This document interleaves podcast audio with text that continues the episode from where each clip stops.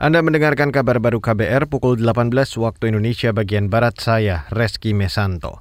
Saudara pemerintah mengklaim tingkat transmisi COVID-19 di Indonesia secara nasional masih berada di level 1 sesuai standar Organisasi Kesehatan Dunia WHO.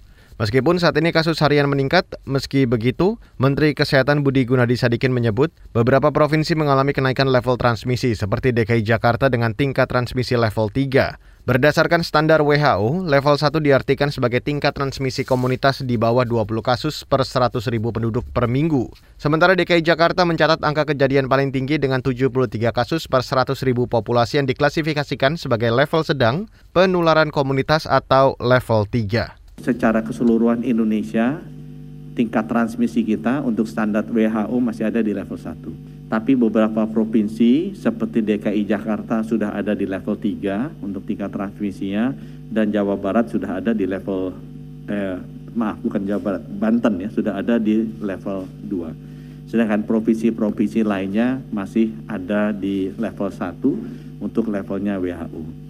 Menteri Kesehatan Budi Gunadi Sadikin menjelaskan jika dilihat dari tingkat perawatan di rumah sakit, angka hospitalisasi secara nasional masih relatif rendah.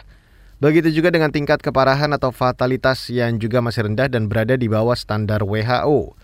Presentase orang yang meninggal karena COVID-19 yang paling tinggi adalah orang-orang yang belum divaksin atau baru divaksin dua kali. Sedangkan presentase angka kematian orang yang sudah menerima vaksin booster sudah sangat turun. Menteri Kesehatan Budi Gunadi Sadikin mengatakan akan mempercepat pelaksanaan vaksinasi COVID-19 dosis ketiga atau vaksin booster sesuai arahan Presiden Joko Widodo. Beralih ke berita selanjutnya, Saudara, kelompok Gerakan Pembebasan Papua Barat ULMWP menilai penyerangan warga sipil oleh kelompok bersenjata di Duga, Papua akhir pekan lalu merupakan dampak dari kebijakan pemerintah. Direktur Eksekutif ULMMWP, Markus Haluk mengatakan, pemerintah tidak mengedepankan dialog terkait penyelesaian konflik di bumi Cendrawasih. Ya harus diingatkan supaya masalah Papua itu masalah politik dan diselesaikan dengan uh, cara politik. Tidak bisa masalah politik diselesaikan dengan pembangunan, diselesaikan dengan hukum, undang-undang tidak bisa. Jadi uh, para pihak yang berkonflik itu uh, mesti duduk bicara dan diselesaikan secara politik, baru bisa. Tapi selama itu tidak ada, TNI Polri, PPNPB, warga sipil baik dari Papua maupun Indonesia itu tetap akan senantiasa menjadi korban. Direktur Eksekutif ULMWP Markus Haluk mengatakan, pada 2019 lalu, rakyat Papua melakukan aksi semesta melawan rasisme. Kala itu Presiden Joko Widodo sudah bersepakat untuk berunding dengan kelompok pro-referendum seperti ULMWP. Akan tetapi perundingan atau dialog yang disepakati urung terlaksana hingga saat ini. Sebelumnya, penyerangan kelompok bersenjata terhadap warga sipil di Duga, Papua menyebabkan 10 orang tewas dan luka-luka. Polda Papua mengatakan jumlah penyerang itu sekira 20 orang.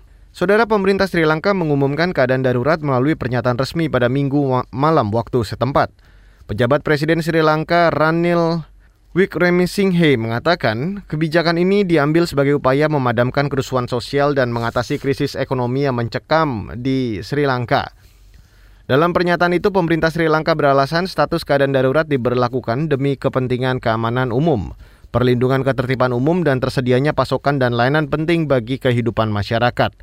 Keadaan darurat ini ditetapkan ketika pemerintah sementara Sri Lanka berusaha memadamkan kerusuhan sosial dan mengatasi krisis ekonomi yang mencengkeram di Sri Lanka. Sebelumnya, Presiden Sri Lanka yang terguling Gotabaya Rajapaksa mengklaim dia mengambil semua langkah yang mungkin dilakukan untuk mencegah krisis ekonomi yang melanda negara pulau itu. Rajapaksa melarikan diri ke luar negeri pekan lalu untuk menghindari pemberontakan rakyat terhadap pemerintahannya. Dan saudara, demikian kabar baru saya Reski Mesanto.